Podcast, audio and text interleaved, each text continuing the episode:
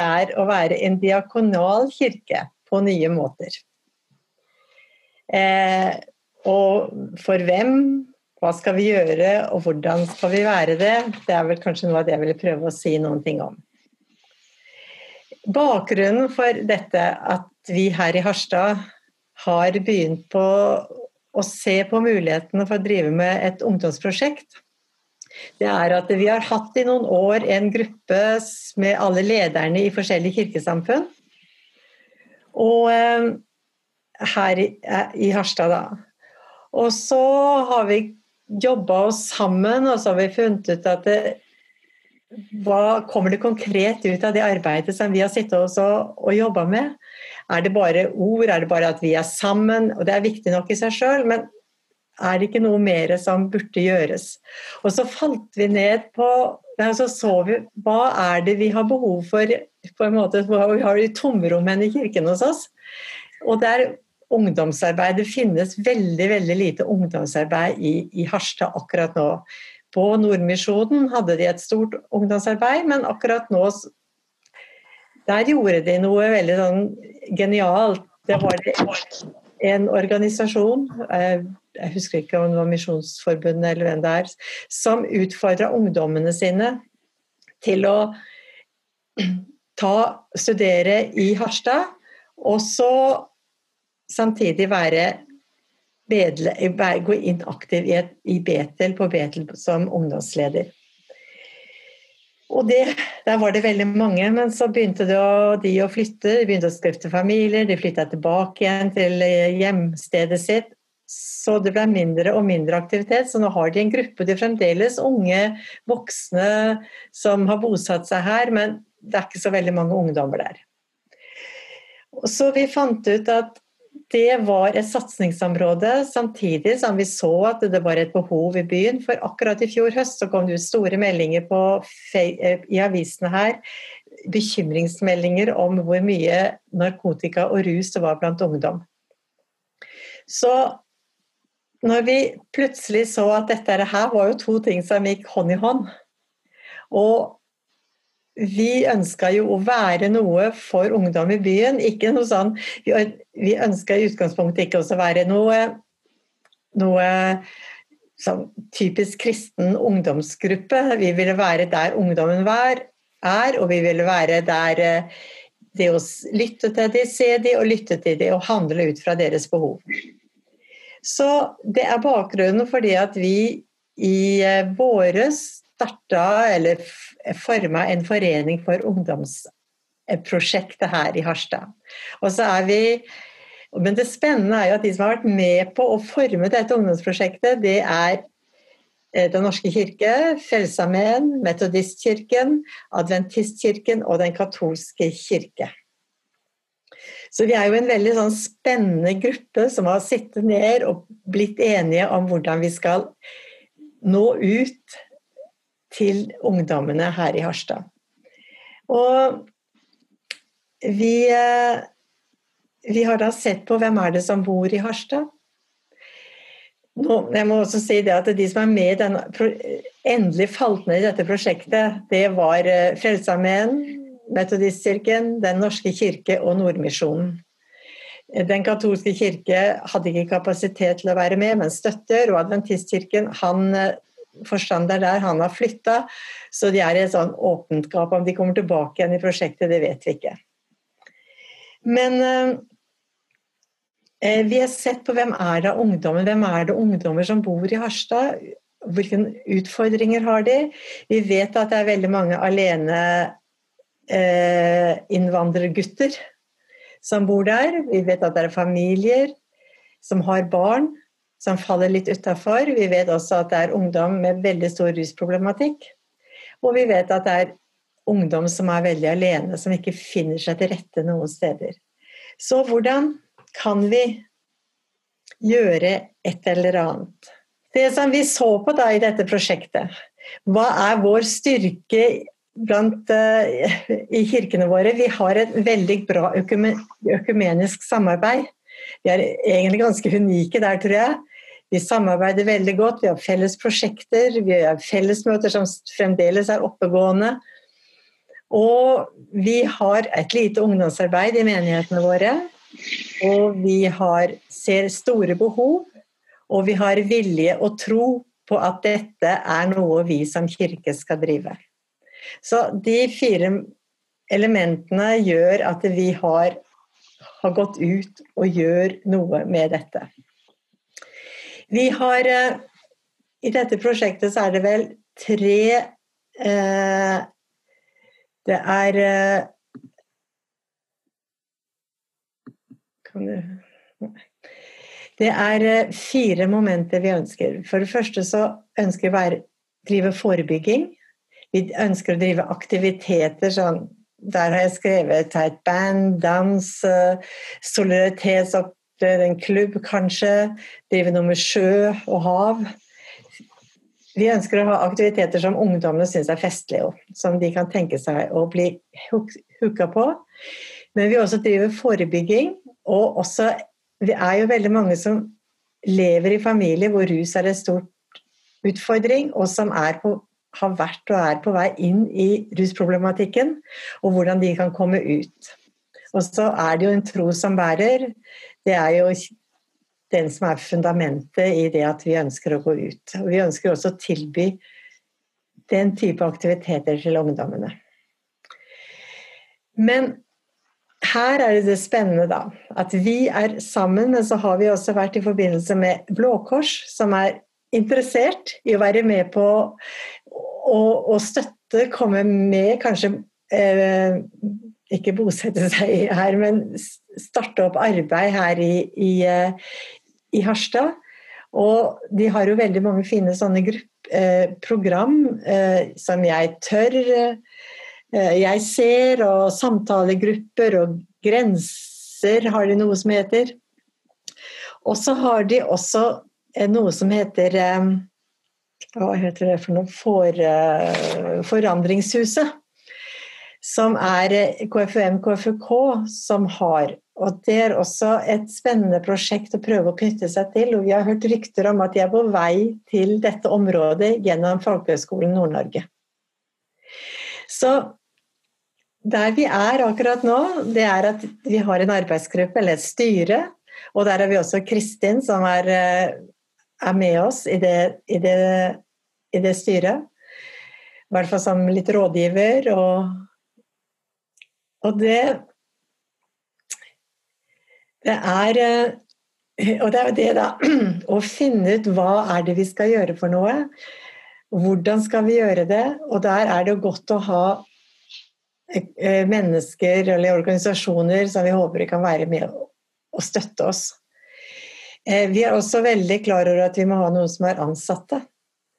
Og det er vi også veldig klar på at de den som blir ansatt, den personen skal ikke være eh, vi trenger en som er eh, f.eks. om Den norske kirke hadde vært eh, arbeidsgiver, eller om Frelsesarmeen er arbeidsgiver, eller vi er arbeidsgivere, så må det ikke være sånn at den som skal lede, kommer fra vår menighet. Det må være mye bredere enn det.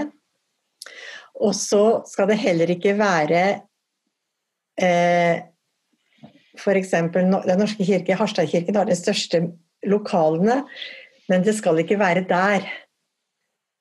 Fordi at Hvis det er der, så trekker alle vi andre oss ut stille og rolig, for da har jo de ansvaret. Så det har blitt veldig viktig at vi har noen aktiviteter som foregår i de forskjellige eh, kirkestedene, og så er det noe som er utafor, som vi prøver å få til et eller annet nede i byen. Og det er her som vi også ser det med Her kommer Stanley Jones inn. For mange av utfordringene våre er jo innen forhold til flerkulturelt eh, samarbeid, det å leve sammen i en, i en flerkulturell eh, verden. Og hvordan er det vi klarer å nå ut og være sammen, leve sammen. Ikke at den ene, ene kulturen skal være sterkere, den ene trosretningen skal være sterkere enn den andre i, i møte med enkeltmennesker. Det er ganske nytt, men det unike her tror jeg er at vi klarer å samarbeide om noe helt nytt. Og det å være kirke på en helt ny måte, med at vi samarbeider, vi tør å gå ut fra kirkene våre, vi tør å slippe de andre til. Akkurat det tror jeg vi etter hvert kan få veldig mye å dele med andre. Selv om jeg ikke har så veldig mye sånn nå i begynnelsen så veldig mye sånn eh, facts å komme til, mye resultater å komme med, for vi er ikke der ennå. Men det, det arbeidet som vi har gjort før vi kom dit vi er i dag, har vært grunnleggende. Vi har brukt eh, har laga eh, sånn ikke stiftelsesprotokoll, men vi har vedtekter som bygger på Norges kristne råds uh, vedtekter. Så jeg skal veldig gjerne komme tilbake igjen litt seinere og fortelle hvordan dette her går og hvordan dette her er. Men det at vi i dette her ønsker å møte ungdom på der de er, på gata, eh, og at vi har forskjellige bein å stå på. Men så er jo utfordringen vår, da. Hvordan når vi disse ungdommene? For det, det er greit å ha det på papiret, men det er helt annerledes å vite hvordan er det vi når ut der. Og vi, vi har vel sånn i utgangspunktet tenkt at vi skal eh, begynne med konfirmantene som da er i, den, i Harstad kirke, for der, de har ungdomskontakter, og jobbe ut fra der. Men også eh,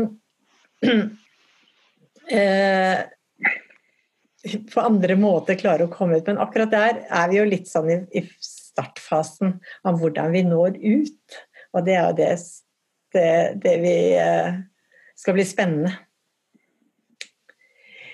Men et av disse som i hvert fall vi som menighet kan tilby i dette prosjektet Vi har jo sett at vi klarer ikke å lage et ungdomsopplegg på bar bakke. Vi prøvde oss med en sånn solidaritetsgruppe her i, i, i høst. Og da kom det to stykker, og nei, det kom fire stykker. En var 13, en var 6, og så var det en mor og en far.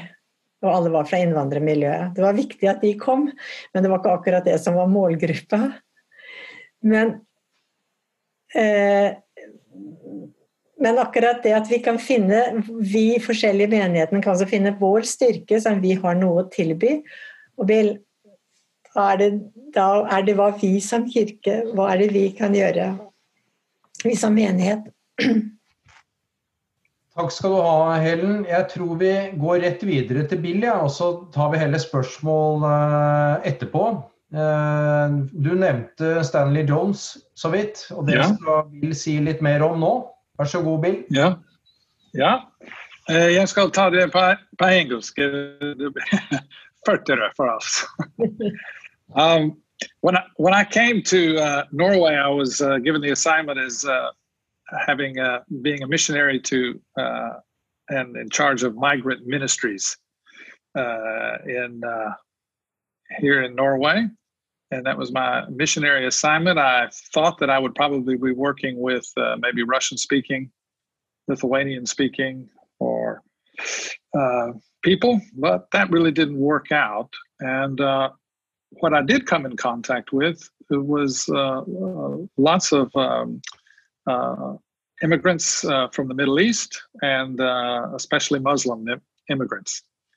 And um, as I began to develop relations with them, I, I realized that uh, they were kind of in shock with being in um, in Norway and also coming from um, cultures that were soaked in religion to coming to uh, a country that seemed to them as being uh, uh, rather secular, and they were kind of surprised. They thought that the Christianity would be the same in as in uh, Norway as uh, Islam was in their countries.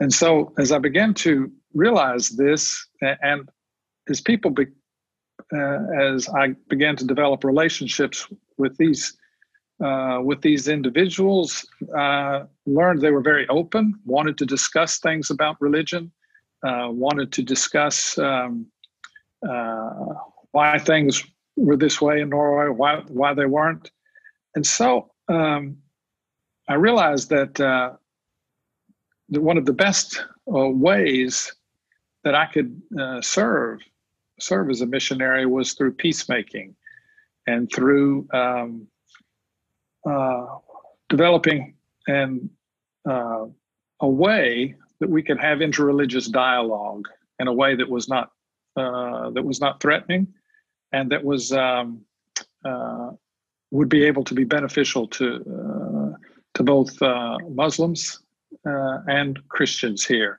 and to um, humanize uh, the person who's not of your of your other religion, who's not of your religion.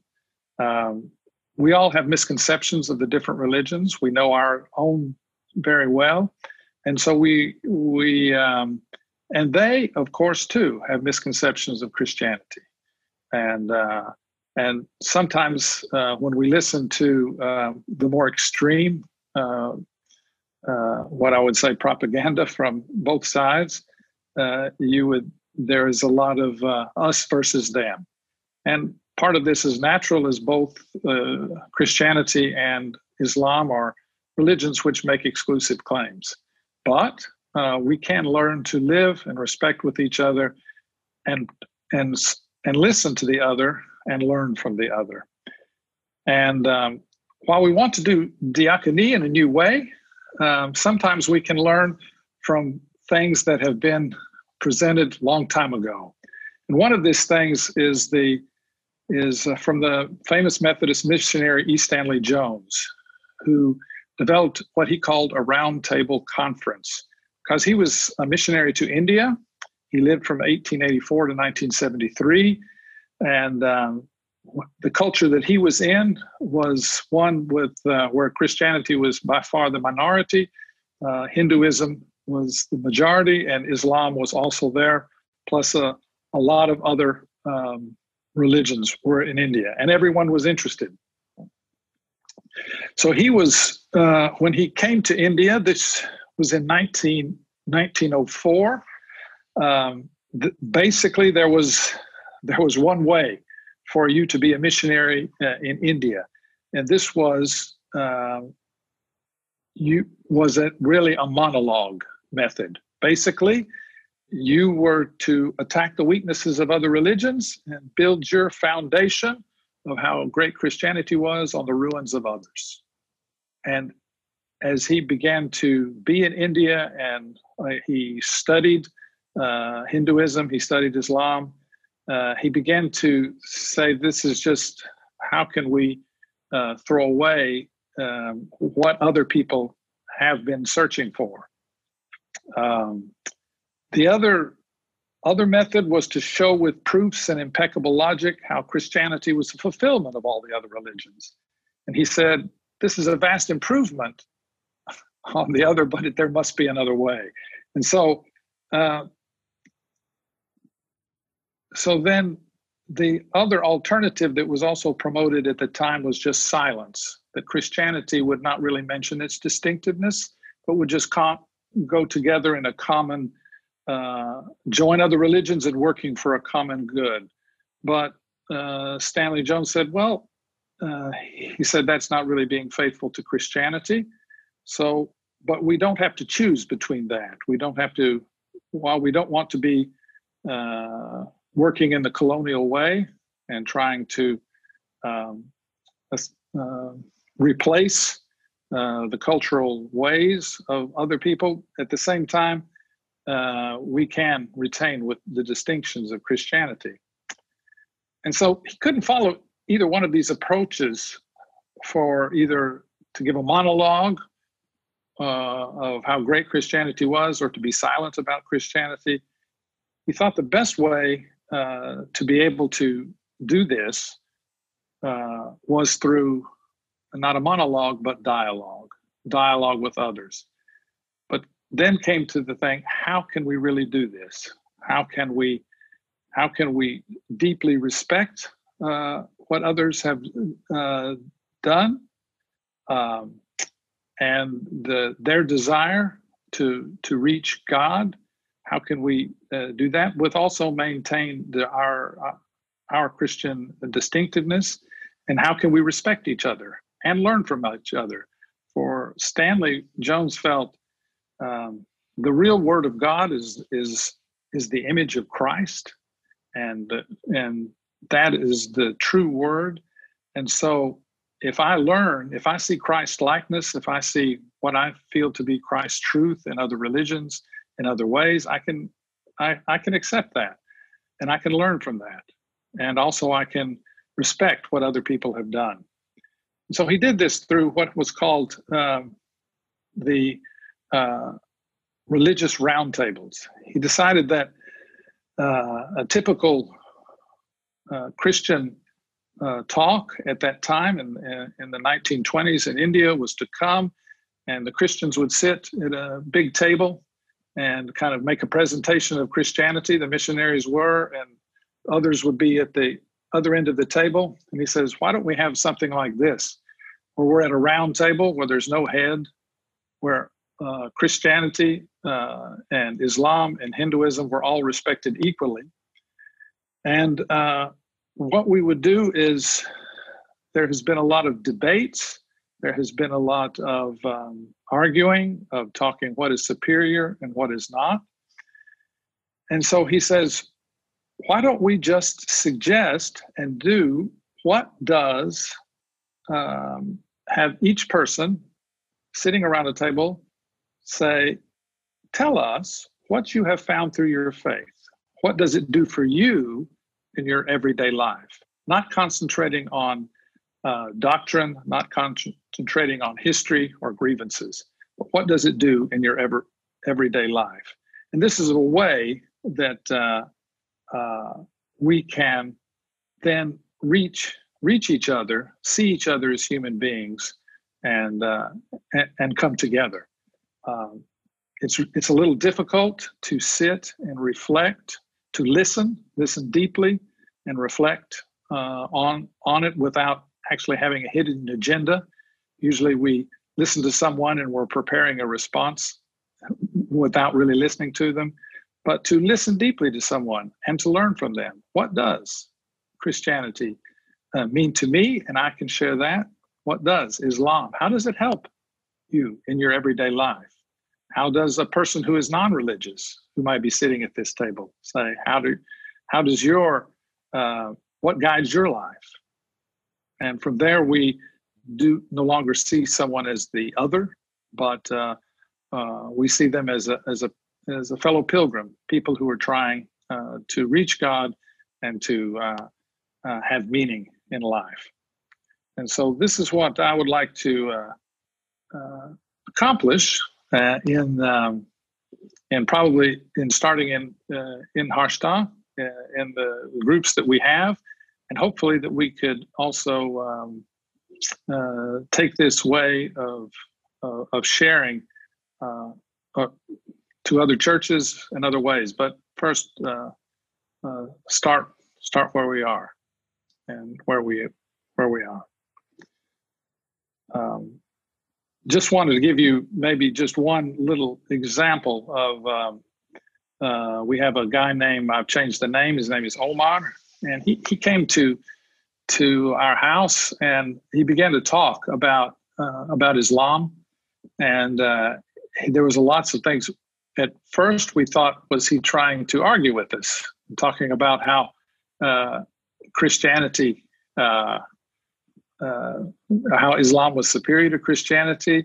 But this was not uh, it, this at, at, all. Is just that uh, as a, as a person uh, from as a person from Afghanistan and not understanding Arabic, he could not go to his own mosque because it was the only mosque was was being uh, uh, done in, in Arabic, and so he just really had questions about the, the, what he had, what he had heard about Islam, and he just kind of assumed that Christians believed this too, and he was kind of wondering if Christians, which were a, a lot of misconceptions about Christians, if Christians uh, believed these things, uh, also why weren't they Muslims, and what was the difference?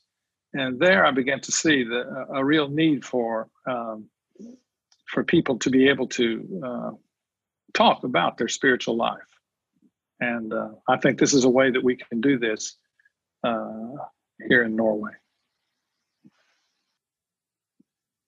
One one other thing, um, when you really try to listen to people and uh, reflect on it, it's pretty hard. Uh, I found help in something called Circles of Trust. It's inspired by the Quakers, and it's a method of live, listening and reflecting, which comes for the Center for Courage and Renewal, which is uh, founded by an American author named Parker Palmer. But it basically uh, helps you to really listen to another person and reflect on what they say without, in a way, trying to fix them, without trying to um, say, well, maybe shouldn't you be thinking about this, but uh, being able to uh, help them uh, along their own journey as they as they are as they are seeking seeking after God. And so I'm I'm going to be t- uh, taking some courses from that, and we'll be taking another one along the way that will help to facilitate and moderate uh, these roundtable discussions. Takk skal dere ha, begge to. Eh, det er veldig spennende å høre på. Eh, og dette ungdomsprosjektet eh, med samarbeidet og det økumeniske og viljen til å gjøre noe i byen osv. Og, og jeg syns jo det er ganske spenstig og modig og, og, interessant at dere også trekker inn disse perspektivene som handler om altså den interreligiøse dialogen da, som en del av det. Og jeg tenker kanskje at, eh, at det sier noe om eh, at tida kanskje er en annen nå enn det den var for bare ti år siden, i forhold til å på en måte sette religion, religiøsitet, spiritualitet på dagsorden også i, i, sånne sammenhenger som dere snakker om å gjøre det her. Selv om selvfølgelig det du sier, Bill, om, om roundtable Eh, har jo potensial til å bli brukt langt, langt videre enn bare, bare i anførselstegn eh, i ungdomsprosjektet i Harstad. Men, men, men at jeg også tenker det inn der, syns jeg er veldig, veldig spennende. Så tusen takk skal dere ha. Eh, mye inspirasjon å hente i dette.